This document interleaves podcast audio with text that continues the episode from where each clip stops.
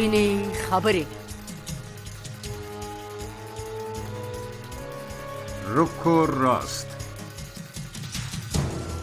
سپینې خبرې روکو راست.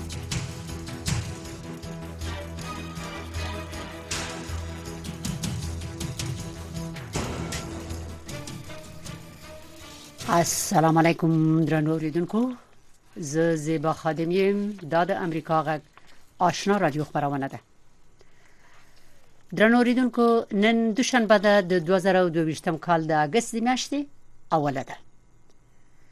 چین د افغانستان نه د قریب 0% وارداتو ګمرکي محصول نه اخلي.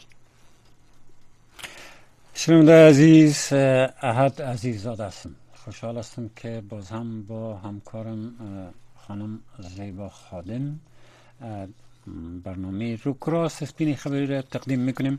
همونطور که شما شنید موضوع امروز برنامه ما روی با روابط یا تعاملات اقتصادی چین با حکومت طالبان اختصاص یافته و سوال ایجاست که این چقدر به نفع مردم افغانستان تمام میشه و در مسئله رقابت های بین المللی چین چی نوع نقش بازی خود کرد. وزارت خارجه حکومت طالبان میگه که امیرخان متقی سرپرستی وزارت با وانگی وزیر امور خارجه چین در مورد روابط دو جانبه سیاسی هم صحبت کرده. این مسائل با سوالای دیگه که در داریم با دو مهمان عزیزی که ما دعوت کردیم که در برنامه شرکت بکنن و با ما امیدوار هستیم که باشن. طرح می‌کنیم شما هم می‌تونین سوالاتان به فیسبوک ما بفرستین تا با میمان در میان بگذاریم. اما قبل از او شما را دعوت می‌کنیم به شنیدن اخبار افغانستان منطقه و جهان.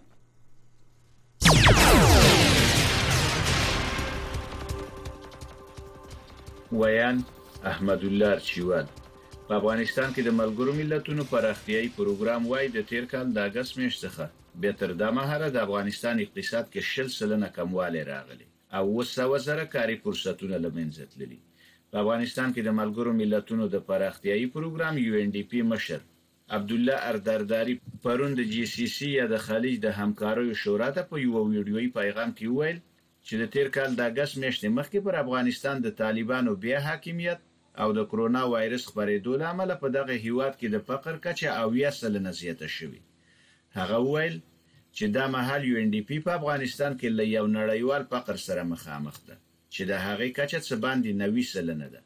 د زیاته کړه چې د افغانستان وضعیت ناهیله کونکي نه دی.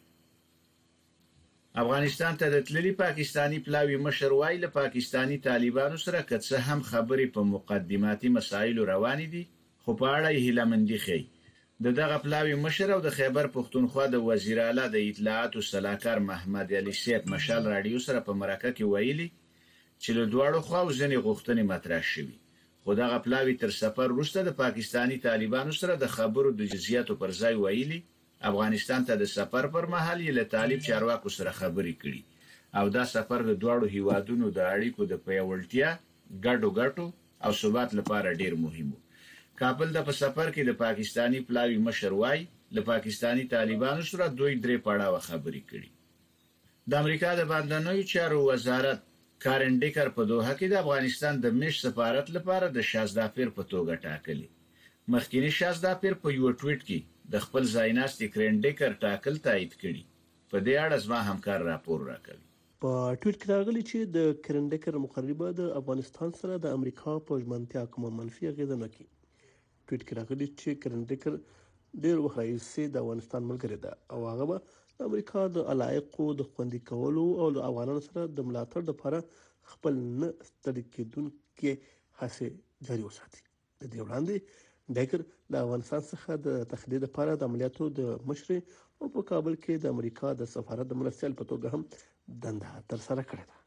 متي الله عبد امریکا آشنا رادیو د افغانستان لپاره د ایران ځانګړي استاذي حسن کاظمی قومي د طالبانو او ایرانیانو ترمنځ د یوې غونډې د کېدو خبر ورکړي نو موري په خپل یو ټویټ کې ویلي چې د طالبانو او ایرانی چارواکو ترمنځ دغه غونډه د دواړو اړخونو ترمنځ لنخته ورسته شوې.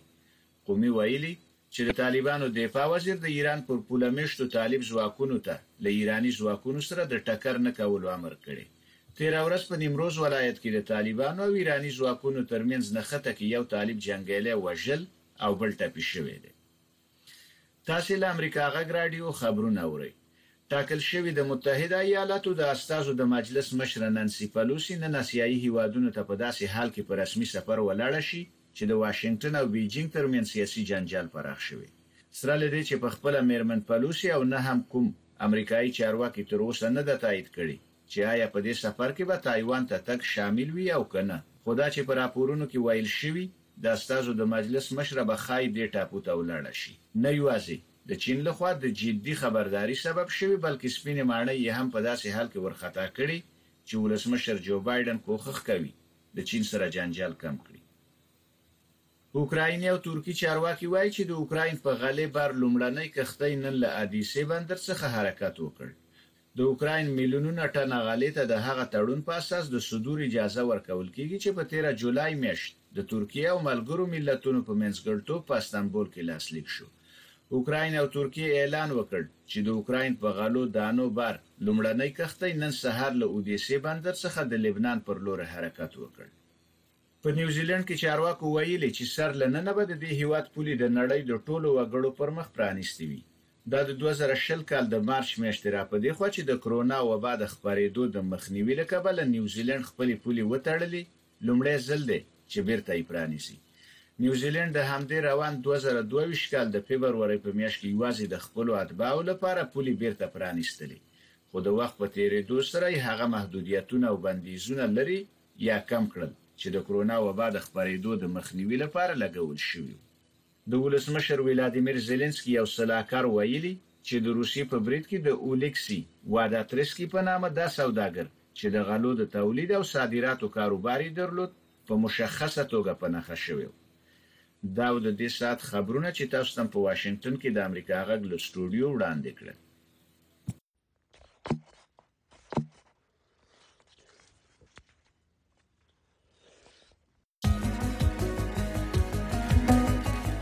روکو راست. صحبت های داغ صاحب نظران و نظریات شنوندگان در مورد خبرها و مسائل روز هر شام از ساعت 8 تا 9 شب در برنامه مشترک دری و پشتوی رادیو آشنا صدای امریکا.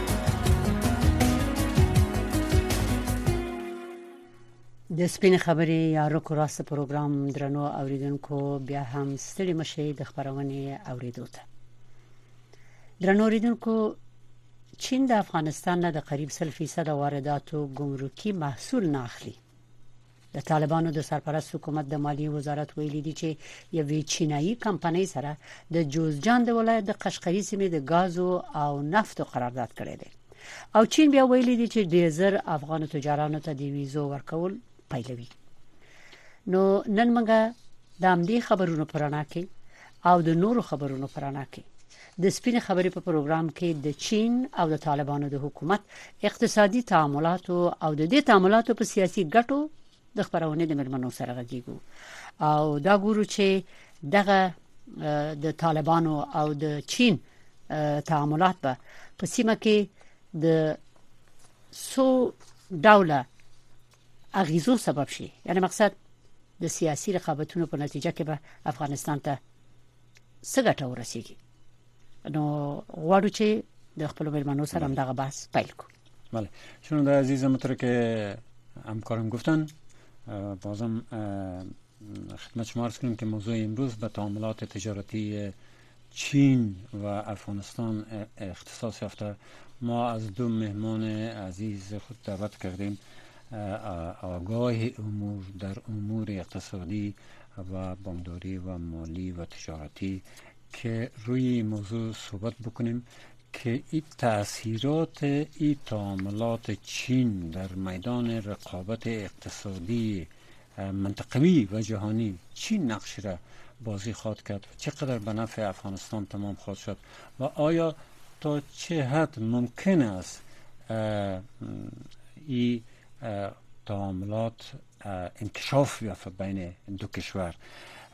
ما از جناب فرشید حکیمیار تحلیلگر امور اقتصادی مالی و بانکداری دعوت کردیم که با ما باشن و از جناب آقای نجیب آزاد تحلیلگر امور سیاسی و همچنان اقتصادی دعوت کردیم. که در برنامه حضور داشته باشن. امیدوارم با ما باشن. آقای حکیمیار شما آواز ما رو میشنوین؟ سلام خدمت شما و مهمانای شما. بله من صدا شما رو میشنم بسیار ممنون از حضورتان. آقای آزاد شما هم با ما هستین. آواز ما رو میشنوین؟ سلام احترامات بله ما میشنم بسیار زیاد تشکر. امی گپ فوق العاده شد که شما رو ما داریم. بله دیگه کار شو بله. مشکل چیزی وی تخنیکی و ملمانه حاضر وینو پروګرام ان شاء الله چې د اوریدونکو به وسل وسوي چې خبرونه ووي خو بیرته برې شو د ته چې اول خو زه د خبره کوم چې د رنو ملمنو تاسو دواړه په خیر راغلی ستړي مشي راځو موضوع ته موضوع خو دغه د چین او د طالبانو د سرپرست حکومت دغه اقتصادي تعاملات دي. منګه غواړو چې دغه یو څو خبرونه چې راغلي دي د پرانه کې وګورو چې چین په افغانستان کې څه غواړي. هدف څه دی؟ سره د دې چې د ټولو غونډیانو او نړیوالو هغه سیاسي دریز معلوم دی د چین معلوم دی.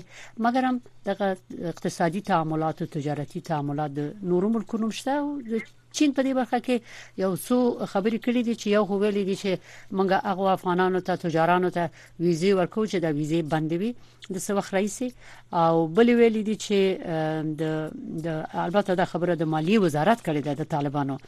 چې د یوې چینایي کمپنۍ سره قرارداد کړی دی چې جوزجان کې د قشقری د سیمې د نفت او غازو کارپیل کې الته سرمایه گذاري وکړي دلته استخراج کړي چې تر څو طالبان هم ته ګټه واخلي او چین هم مګر دا چې قرارداد کې سيدي څومره ګټه دوی ته رسیږي هغه ته رسیږي یا څومره غاز نفت دلته دا نور خبرې چې زمونږ ملمانه به یو کې او دریمه مسله ده چې چین به بل خبرم کړی ده چې ویلي د افغانستان د وارداتو نه چې 0% وی هغه 0% وارداتو نه هغه ناخلي مالیه ناخلي ګمرکي مالیه ناخلي چې په دې حساب باندې څومره ګټه د افغانو تجارانو ته رسیږي او دا به څه ګټه وکړي د افغانستان د اقتصادي وضعیت ده نو کساس خوخوی بله. شروع کنیم از آقای حکیمیار. حکیمیار. بله. جناب حکیمیار صاحب شما توضیحات زیباجان شنیدین. در مورد تاثیرات منطقوی از این تعاملات چین که خواستار دخالت در یا دسترسی به منابع اقتصادی افغانستان است در مجموع. ای تنها اینکه یک جانبه است یا دو جانبه است سر هم صحبت می‌کنیم باز. نظر کلی شما را در مورد می‌رفتیم که چقدر موثر است و چقدر در همین نقطه زمانی بله. که ما شما قرار داریم برای افغانستان و مردم افغانستان کمک می‌کنه. البته سر مسائل بعدیش که سر جهان دیگه چی تاثیر می‌کنه هم با صحبت خود کنیم مهربانی که فرشیده که می‌رسه ببینید در کل چین سال 2000 آید سرانه چین حدود یک تا یک نیم تریلیون دلار بود امروز رسیده به 18 تریلیون دلار به این معنا که چین در 20 سال گذشته رشد بیش از 1500 درصد داشته در در آید سرانه خود رشد چین نیاز داره اول اینا در تلاش هستند که بیشتر دسترسی به انرژی داشته باشند و چینایی ها در سراسر جهان سرمایه گذاری می‌کنند در بیش از در, در, در تقریبا تمام کشورهای افریقایی اینا پروژه های کلان دارند چه قرضه میدن چه می‌کنن. در بخش های مختلف کشورهای آسیایی اینا پروژه های کلان دارن. رای مثلا رای گذشته به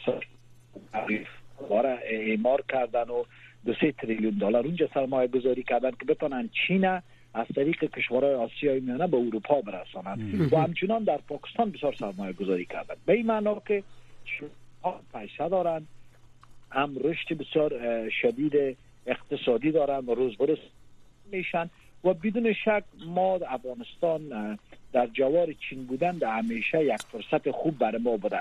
در 20 سال گذشته چندین دفعه رئیس جمهور کرزی و آقای اشرف غنی سفرهای متعدد به چینایی به چین داشتند و تمام تلاشانی بود که چینایی ها را بیشتر و بیشتر بتونن داخل افغانستان بیارن و همونطور که یاد میدانه مسئله مثل که به چینایی یاد داده بودن. یعنی ما تلاش های بسیار زیاد صورت گرفته که از این فرصت های چین استفاده شود. اما چینایی ها بسیار با احتیاط و بسیار با شک و تردید به افغانستان دیدن. و همیشه مسائل امنیتی که ناشی از افغانستان به چین و خصوصا به ولایت سینکیانگشان میره عکس عمل نشان دادن و از دید اقتصادی زیاد پایبند افغانستان نکردن.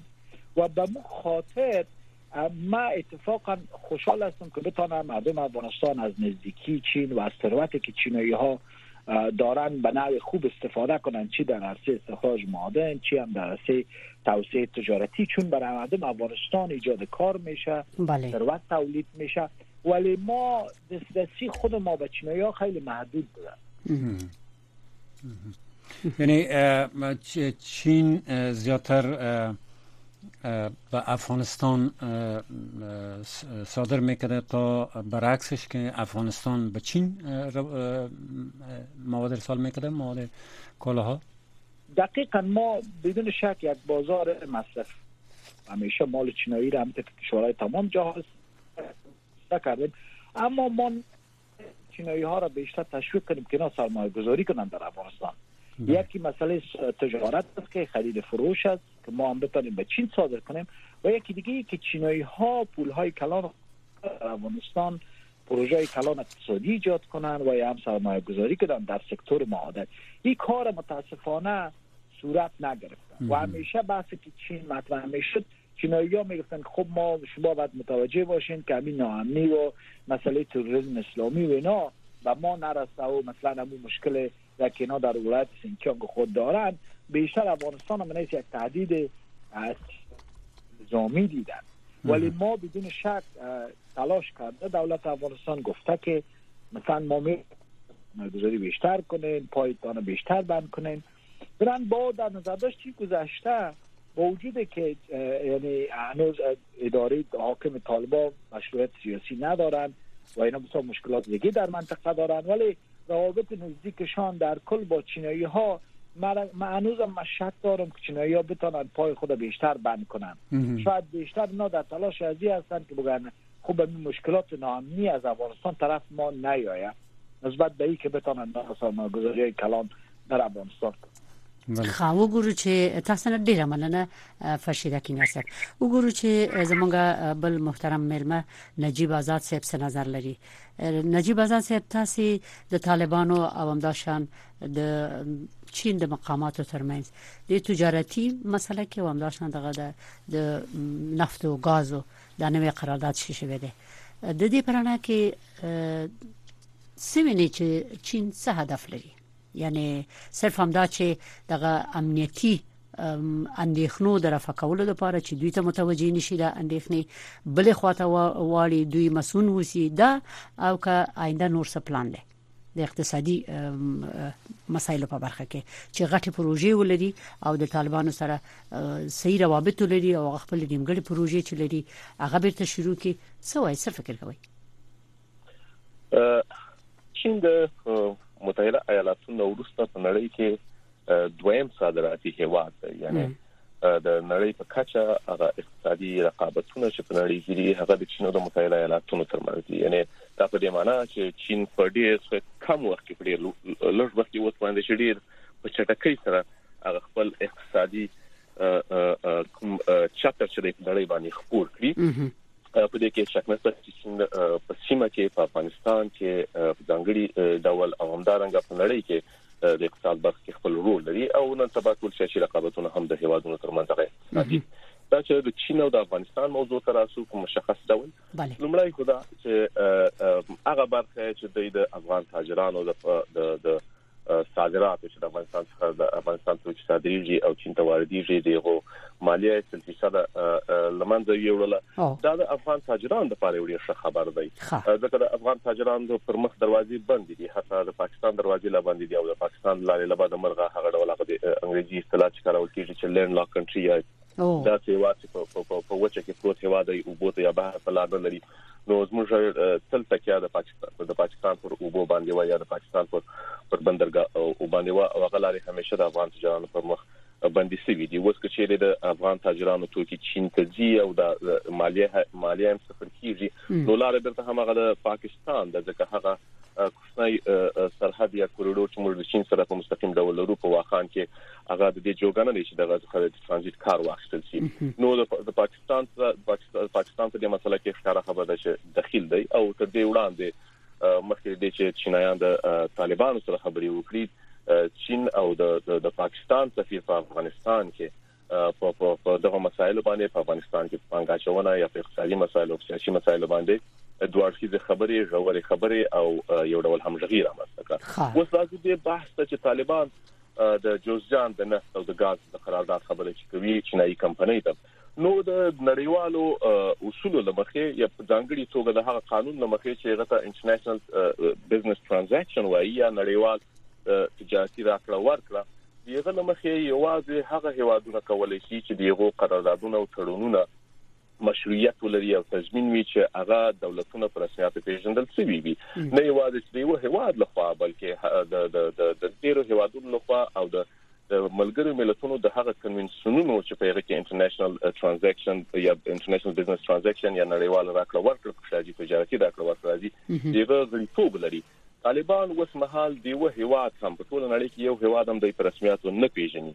نو دغه چې قرارداد چې هغه د نفت او د غاز د چینایي شرکت سره وی چې په ټوله کې په چین کې شرکتونه یو هم د شرکت په ټول چین کې نشته چې هغه بشپړه خصوصي پانګونه وي. د چین د د سیاسي ساختار هغه نیمه کیپټالیست او نیمه کمیونست سیستم دی. یعنی په هر پانګونه کې د هر فرد په پانګه کې او د د د میلیارډونو یا د یا د تریلیونو ډالرو په پانګونه کې د چین دولت سهم لري؟ یعنی د شخص د خصوصي سکتور نشته چې هغه په بشپړ توګه سلفي د خصوصي سکتور وي.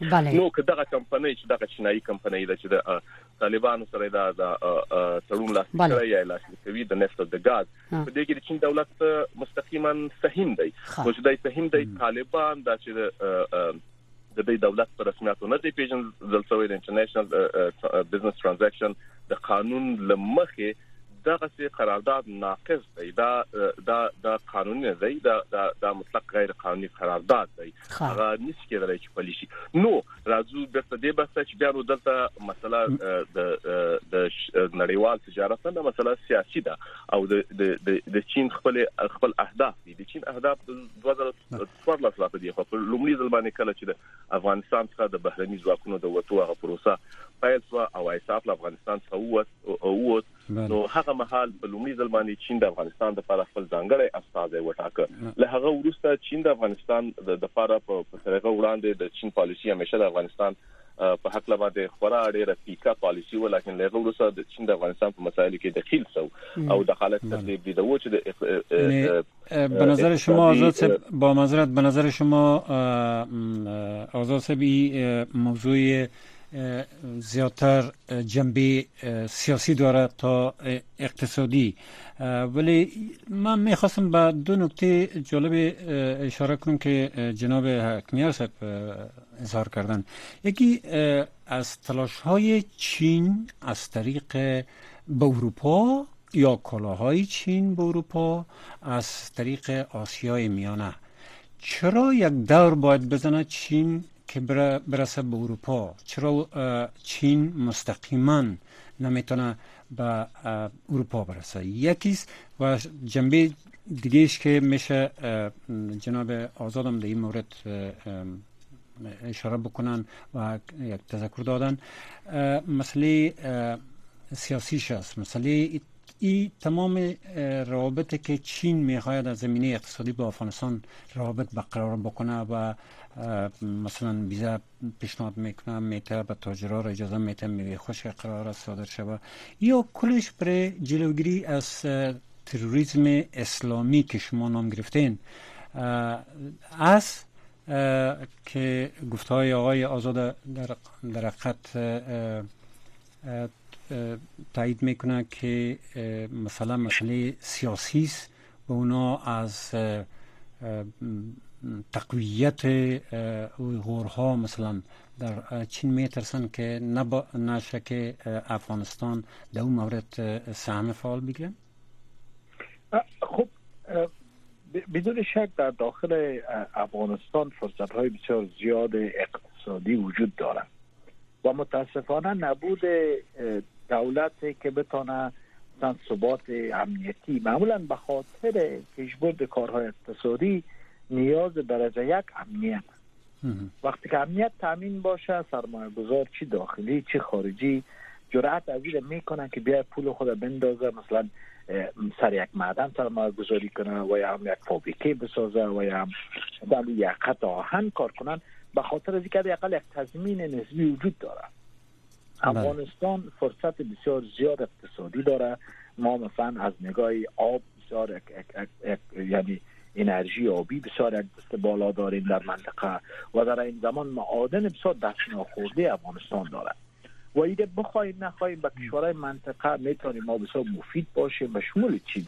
هرچند چین نیاز بسیار زیاد داره ولی مسئله آهن و مثل ما و بخصوص نیاز بیش از عد صنعت و توسعه در چین ما را بسیار کشور جالب می سازد اما اما مشکلات متاسفانه مشکلات ادارای سیاسی همیشه یک به تاوان مردم اتفاق افتاده.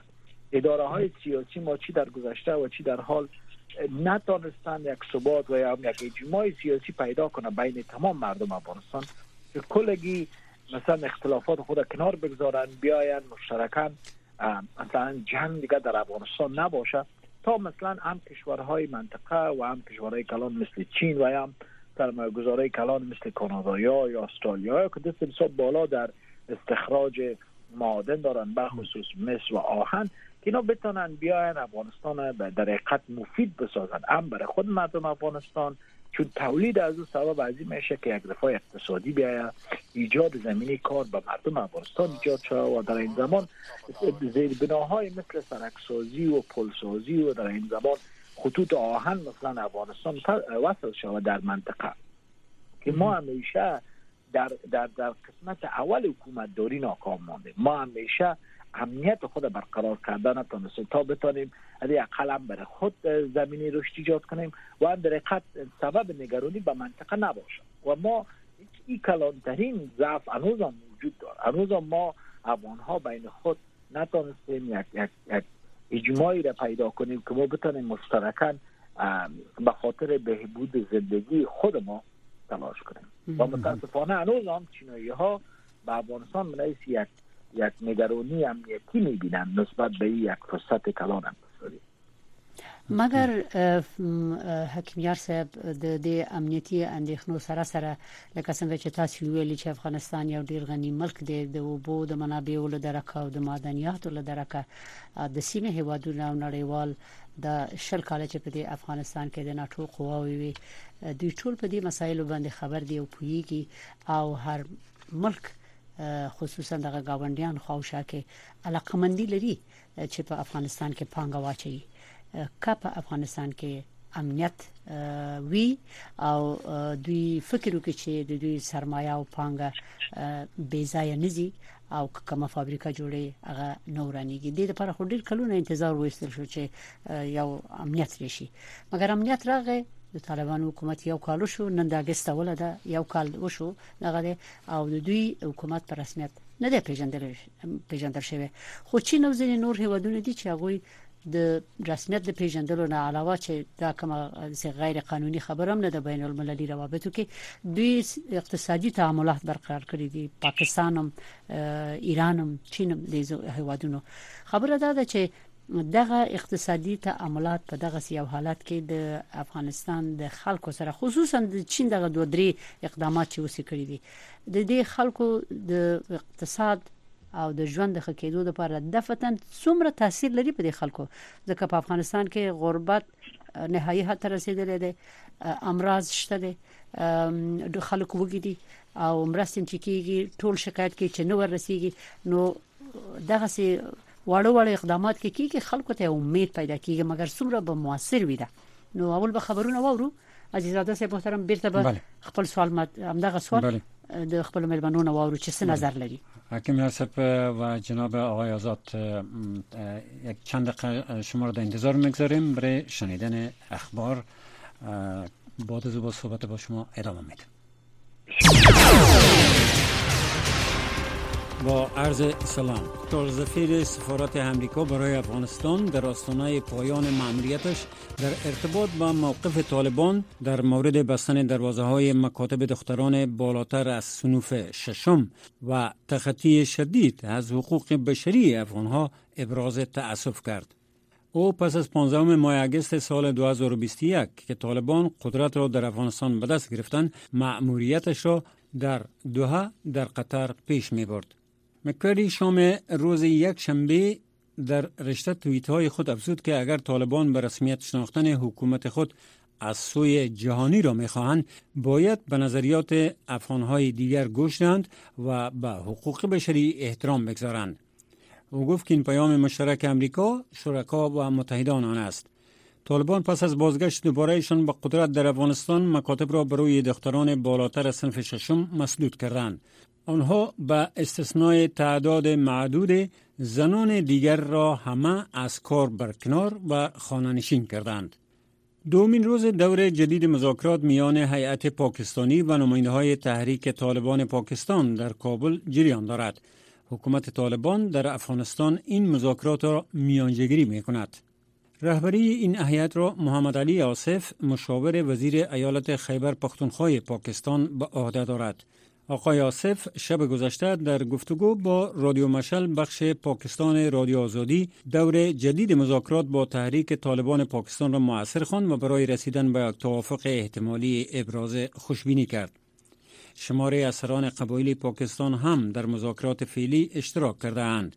رسانه های پاکستانی گفتند که هیئت مذاکره کننده پاکستانی به روز شنبه به کابل رسید و با رسیدن به آنجا با سراج الدین حقانی سرپرست وزارت داخله حکومت طالبان هم دیدار کرد. جزیات این دیدار تا هنوز با رسانه ها شریک ساخته نشده است. ژاپن تعهد کرده تا پروژه های نیمه تمام را که در افغانستان تمویل می کرد تکمیل خواهد کرد. این تعهد را تاکاشی اوکادا سفیر ژاپن در افغانستان در دیدار دیروزش با مولوی عبدالکبیر معاون سیاسی ریاست الوزرای حکومت طالبان مطرح کرده است. خبرگزاری باختر که تحت کنترل طالبان است گزارش داده که سفیر ژاپن همچنین گفته که کشورش آماده است تا با خانواده هایی که در زلزله و سیلاب های اخیر در افغانستان آسیب دیدند از طریق هلال احمر افغانی کمک کند. بر اساس گزارش رسانه های ژاپنی این کشور در دو دهه اخیر بیش از 5.5 میلیارد دلار با افغانستان کمک کرده است. برنامه انکشافی ملل متحد در افغانستان تضمین کرده است که از ماه اگست سال گذشته بدین سو اقتصاد افغانستان 20 درصد رکود داشته و در حدود 700 هزار شغل در این کشور از بین رفته است.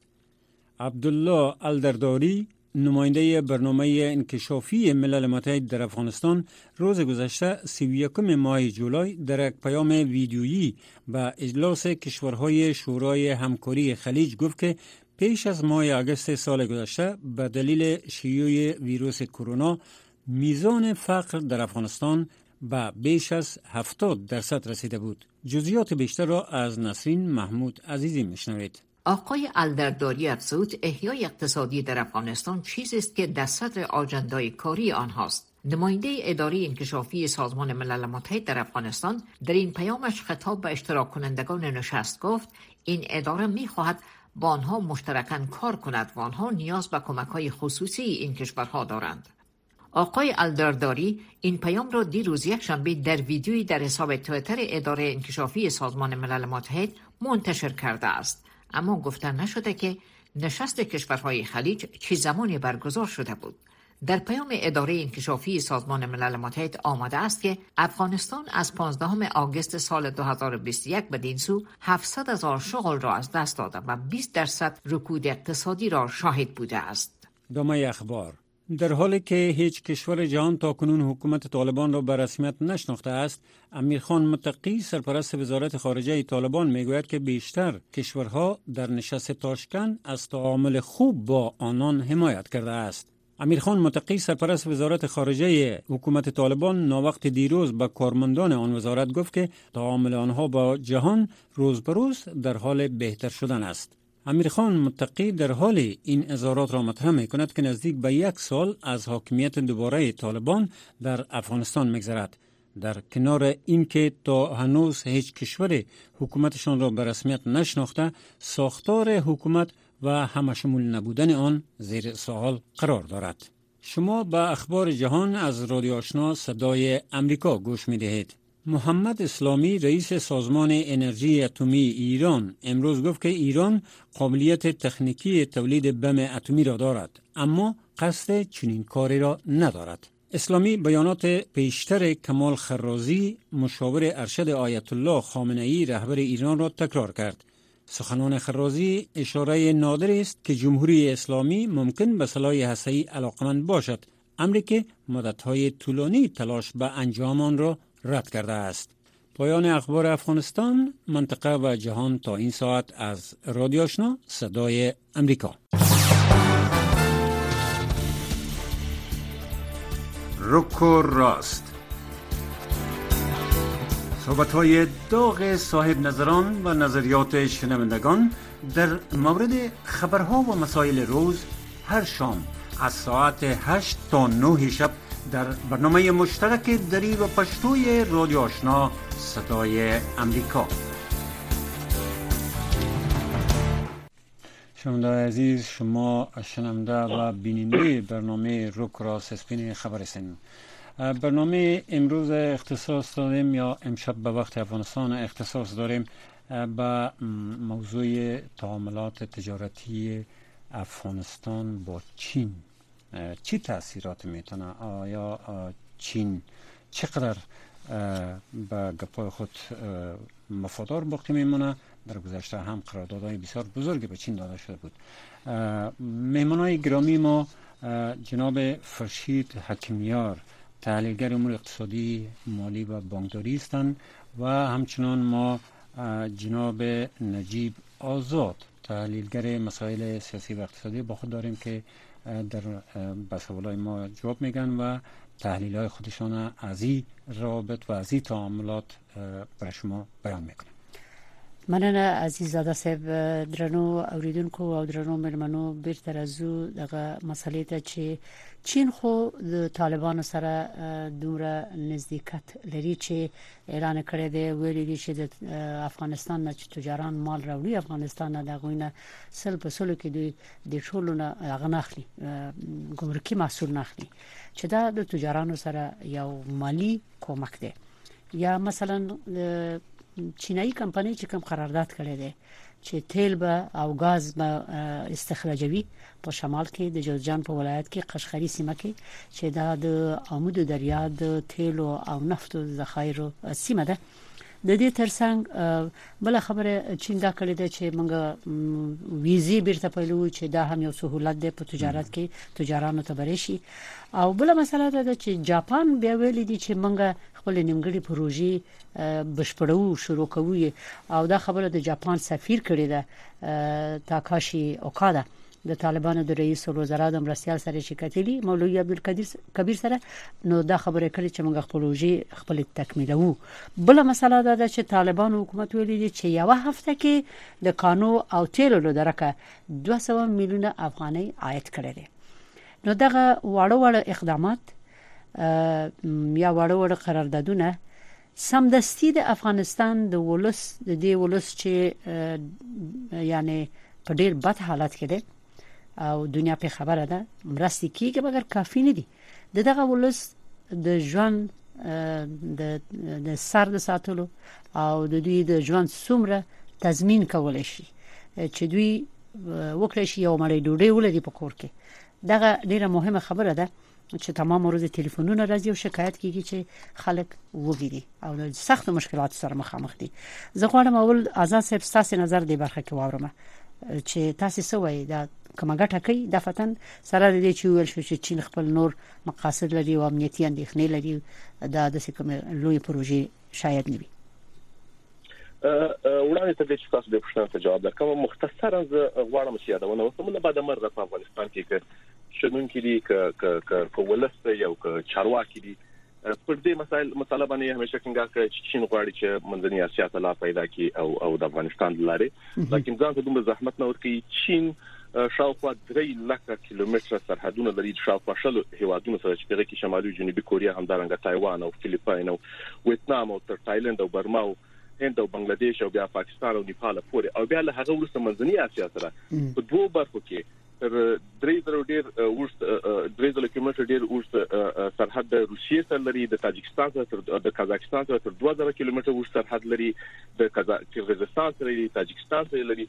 دا هغه سرحدونه دي چې چین په مستقیم ډول د دې سره مشته دي او لارې جوړې دي د لارو تجارت د کلون راځي فایل دی. بل بحث دا دی چې چین په ټول نړۍ کې هغه خپل اقتصادي راکړه ورکړه لري چې اروپا د امریکا د استرالیا د امریکا کې داسې مغازه څه چالت دي میډ ان چاینا تولید نه وي. bale اما د افغانستان په مسله کې دغه چې د منځنی اسیا سره مشلیدل دي واځي د چین په برخه کې البته شایعات او تبلیغات دي لبعد مرغه چې د سیرل نفرت کیږي اما پاکستان د لیوالتیا لري او پاکستان د لیوالتیا په وار ور هڅه کوي چې چین دې ته وهڅي چې له سرمایه گذاري وکړي او چین چین چین ته دا داسې ډاډ ورکړي چې د دلته بیا سیاسي هغه تسلط یا سیاسي حاکمیت ترلاسه کوي یا تاثیر یا نفوذ ترلاسه کوي اما چین هیڅ کله کار نه کړی ځکه چین په دغه چې هیواد کې شغله تیرو 15 شپږ لسیږي یا شپږ 15 شپږ کلو رئیس نه امن ټاکوبه د نن هم اټ اټ تضمین نشته سبا د سبا تضمین هم نشته د امنیت او ثبات. نو چین د سرمایه گذاري نه کوي. لازم مشخصا یعنی په دې برخه کې منځنی اسیا ته د افغانستان لارې وصل سي. لازم مشخصا تاسو څنګه چې دغه وسنۍ وضعیت یا دغه دغه وړي پروژې لکه لکه چې د افغان تاجرانو د د توکو سل فیصد مالیه معاف کړل یا ویزه خلاصوي. تر یو بریده د تاجرانو سره مرسته کوي د افغان توکو سره مرسته کوي. اما په ټوله کې د افغانستان د د وږي ولس سره هیڅ مرسته ځکه نه کوي چې لکه د مرغ څنګه راپورونه چې په تیرو یو ولس دولس میاشتې کې د یو کال پر کېږي نشر شوی دي حتی بشري مرستې چې دي. هغه بشري مرستې چې د نړیوالو مؤسسو لخوا په افغانستان کې د افغان ولس سره د بیوزلو د د هغه ولس سره چې هغه د دوه وخت ډوډۍ نه دی غوښتل هغه مرستې کیږي هغه هم شفافیت خورات ستنه لاندې هر وار راغلي په هر راپور کې او او دا وار وار ویل شوی دي چې دغه مرستو په ویش کې طالبان شکیل دي او دا مرسته هر ډول چې لازم دي نو ویش کیږي. نو په دغه څه وړو پروژو کې هغه په تیر یو ونه کې 200 200 میلیونه افغاني عاید به چې د یو دولت لپاره د یو هواد لپاره 200 میلیونه افغاني اصلا هیڅ پیسې نه دي.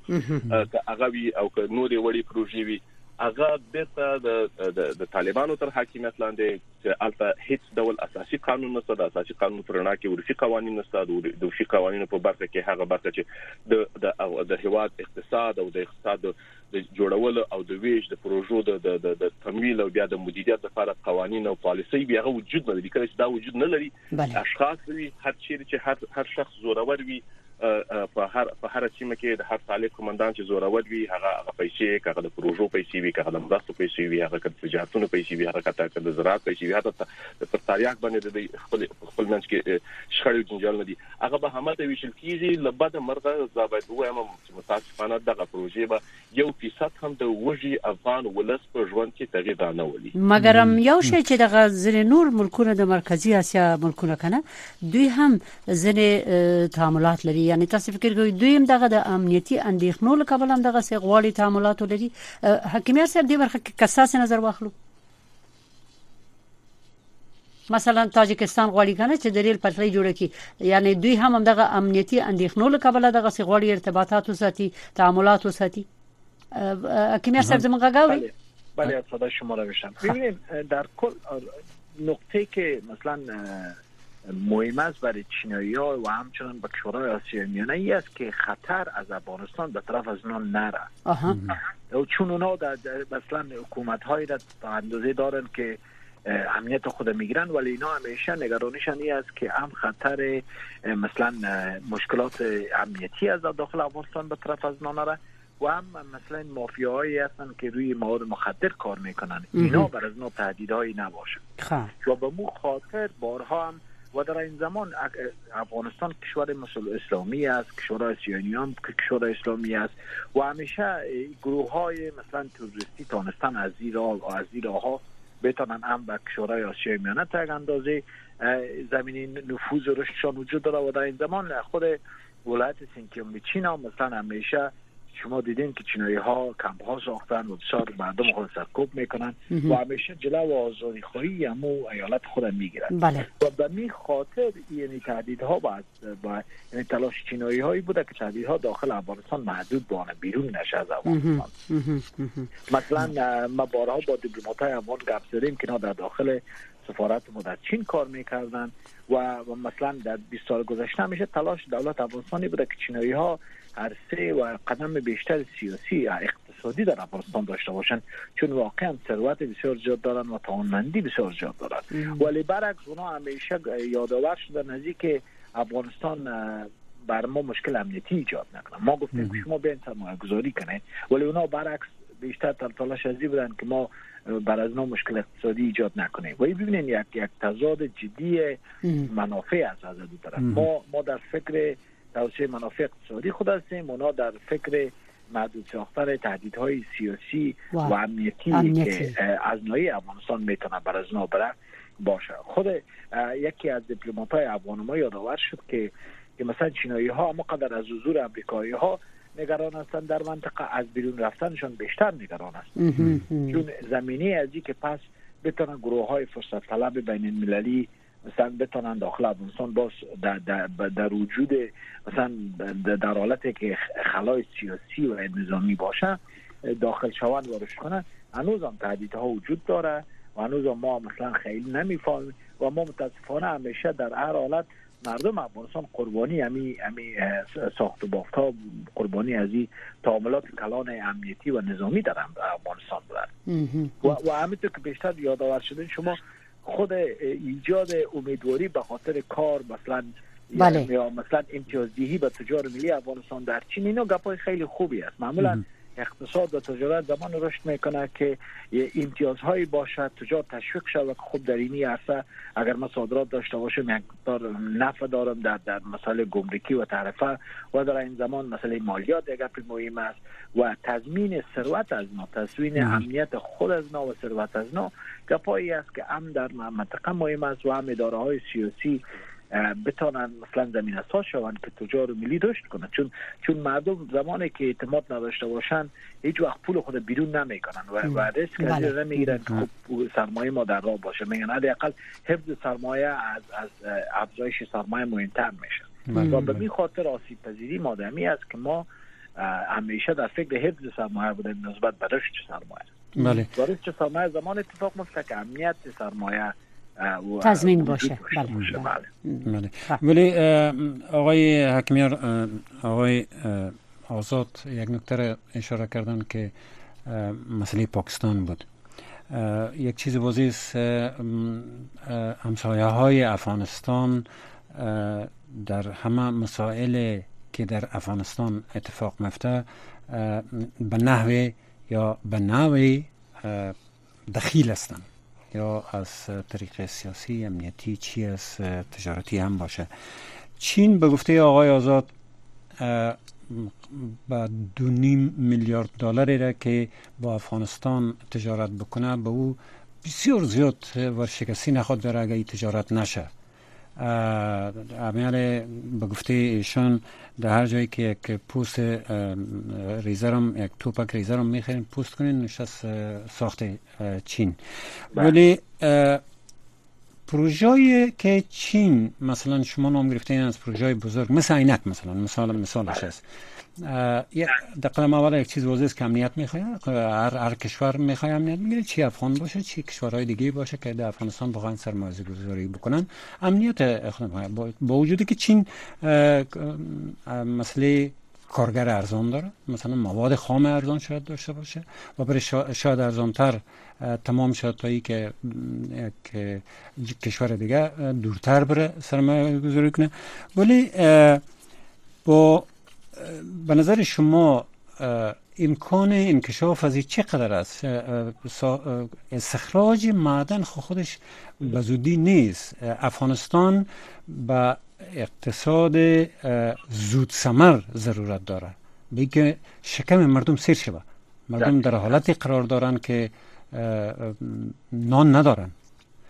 این قرارداد یک یک معدن او خب سالها دیگه مردم انتظارش بکشن تا اون معدن ثمر بده تا ای که شکم بخواد سیر بکنم بسیار نقطه خوب گفتید.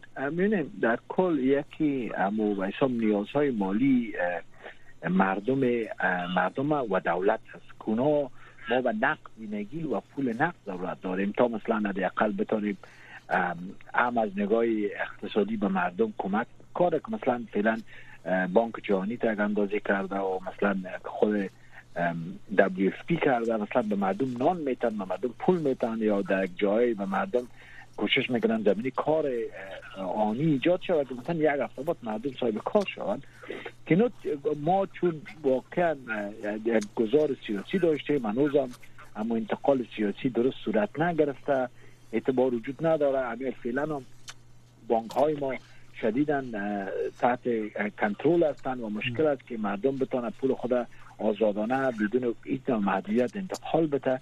اینا هم گپ خود و تایید از گپ خود بسیار مشکلات آنی و عینی ما هستند که نگرانی برای افغانستان و مردم افغانستان ایجاد کرده. ولی در کل وقتی که سرمایه گذاری های کلان بسیار زمانگیر است چی چی در ارتباط به اینکه چقدر تاثیر روی افزایش ثروت و ایجاد کار داشته باشه اینو گپ های دراز مدتی هستند ما متاسفانه وقتی که تاریخ مداخلات و یا بگویم روابط چین در جهان ببینین چینایی ها به هیچ وجه مثل کشورهای اروپایی مثل امریکایی ها برنامه انکشافی و کمکی برای کشورها ندارن. اینا هیچ وقت پول نمیتن که شما بگیرین برای مکتب بسازین یا شفاخانه بسازین یا برین مثلا بند برق بسازین یعنی پولای معمولا پولهایی را که چین میتن قرض است. قرضا بر اساس سود. و اینا اکثریت کشورها را شدیدا زیر فشار گرفتن. مثلا وقتی که یک میدان هوایی یک جای ساختن و میدان هوایی اگر قرضش با وقت داده نتانه تقریبا همون تصاحب می‌کنن میدان هوایی یا مثلا مرزها را یا سرک ها را برن چینایی ها تجربه در ارتباط با انکشاف بین المللی نداشتند و اینا مثلا کمترین کمک در 20 سال گذشته برای افغانستان داشتند. با وجود که اینا به اندازه ثروت زیاد دارن. و دلیل شامی است که خود حزب کمونیست چین مثل یک شرکت تجارتی کار می‌کنن تمام بانک های چین تمام دولت سیاست و اقتصاد و امنیت کلشان در دست یک گروه حزب حاکم کمونیستی است.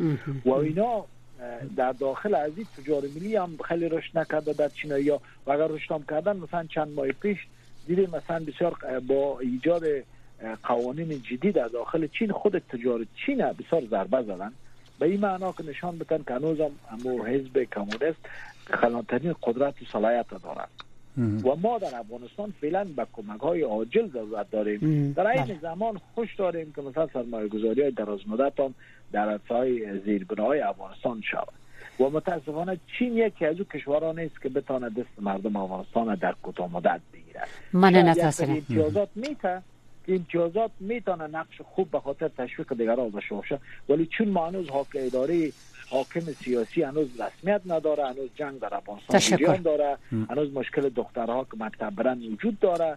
بنان, بنان ما متاسفانه با وجود خبرهای خوش خیلی هم نمیتونیم امیدواری بیشتر داشته باشیم. مننه حکیم یار نجیب آزاد صاحب تاسو څه فکر کوئ کله چې د افغانستان مسلې ته د استراتیژیک موقعیت ریشو نو د سیمه هوادونو نړیوال ټول علاقمندي لري چې افغانستان کې اقتصادي نقش ولري او خپل ګټې پکې ویني. په دغه سي یو اقتصادي رقابت کې چې دغه ملکونه دي او دغه اوس چې طالبان په افغانستان کې دي یو کال رئیس څه کېدای شي؟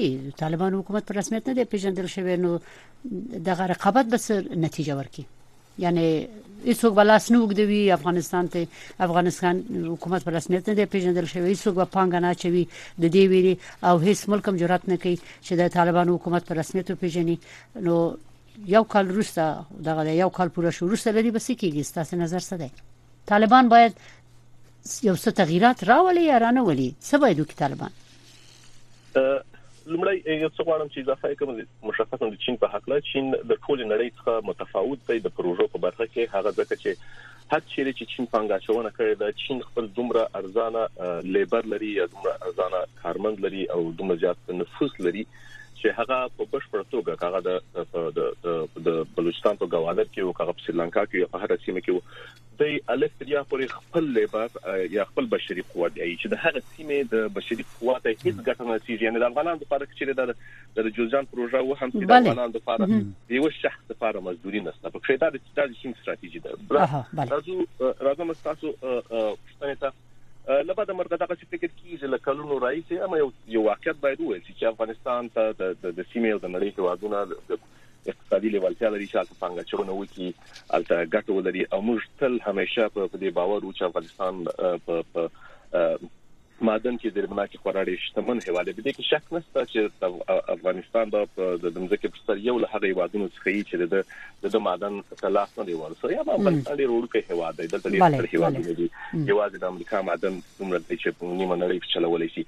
یعنی د افغانستان ته د اقتصادي د دیدګان نړۍ نه ګوري چې د نړۍ ډیره ګټه لري هیوادونو ګټه دې ګټه مست په افغانستان کې په اقتصادي لحاظ چې شي چې هغه د نړۍ په ګټه ورسي. البته جیو پالیټکس ډیر مهم دی د افغانستان جغرافیا د جیو پالیټکس د نګال نړۍ ته ډیره مهمه ده. هغه په په د منځنۍ اسیا او د جنوبي اسیا همدارنګه د اروپا د منځنۍ خط خطي د څلورلاري حیثیت لري او بل مسله تر ټولو مهمه ده چې په تیرو د سړې جګړې په وخت کې ولېغه را پدې خو افغانستان د نړۍ لپاره یو خطر و د ټاټوبه خطر و ته ټول مهمه برخه ده. او کله چې تهدیدات موجود وي هغه هم سیاسي تهدید دی هم اقتصادي تهدید دی هم نظامی تهدید دی نو دغه تهدیداتو د مخنیوي لپاره نړۍ مجبوره ده یا د سیمې قدرتونو او د نړۍ قدرتونو هغه مجبور دي چې افغانستان ته یوالتیا وشي یوالته یو نه یو ډول باندې دخالت ولري.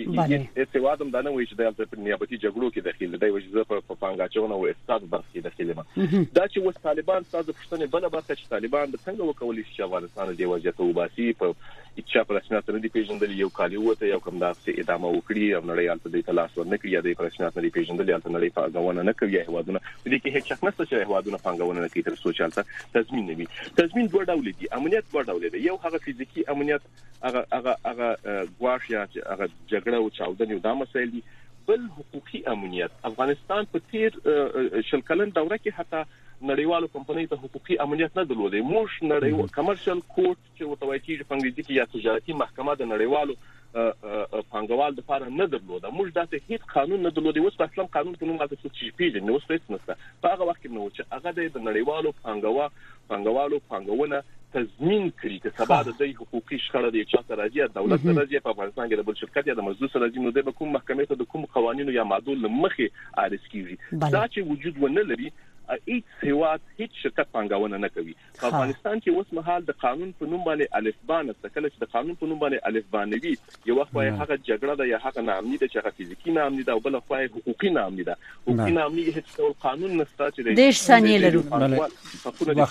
نو دا څنګه کوي. طالبان باید څه طالبان باید افغانستان کې دولت عمل کړي. دا چې وسه دا دولت نه دولت چې شي هغه هغه افغانان ځان کښونی دیغه د تاسو د تجارت د مخې ما د لاندې دومره وایم د تجارتي توګه د خلکو د کاروبار لپاره ډیر مسایل یعنی د ورځنی د میرمنو کالی لا مهم دي. کله چې میرمنو باندې دومره دومره کویدات راځي کوم د کاروبار بسیار زیاد تشکر آقای آزاد.